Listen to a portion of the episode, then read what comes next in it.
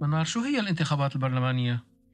ال- الانتخابات البرلمانية أو ال riksdagsval اللي فيها بنختار السياسيين الممثلين عننا بالبرلمان أو بنختار الحزب اللي ممكن يمثلنا بالبرلمان وشو هو البرلمان؟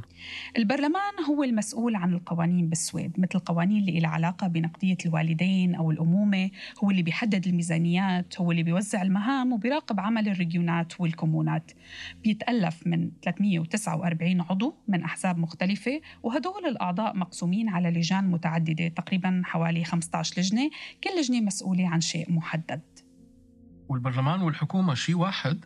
لا البرلمان هو أعضاء انتخبهم الشعب. أما الحكومة regeringen بتتألف من رئيس الوزراء statsminister والوزراء اللي بيعينهم رئيس الوزراء. الوزراء مثل وزير الدفاع وزير الصحة وهدول بيتعينوا تعيين وليس انتخاب. أيضا الحكومة بتقدم مقترحات لقوانين جديدة أو تعديلات على القوانين الموجودة والبرلمان بالتصويت بيقرر إذا كانت ستنفذ هذه المقترحات أم لا. كل الأحزاب الموجودة بالسويد لها تمثيل في البرلمان؟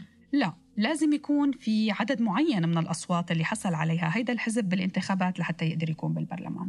وكم حزب يوجد الآن في البرلمان؟ عنا ثمان أحزاب في البرلمان. لمين بحق له التصويت بالانتخابات البرلمانية؟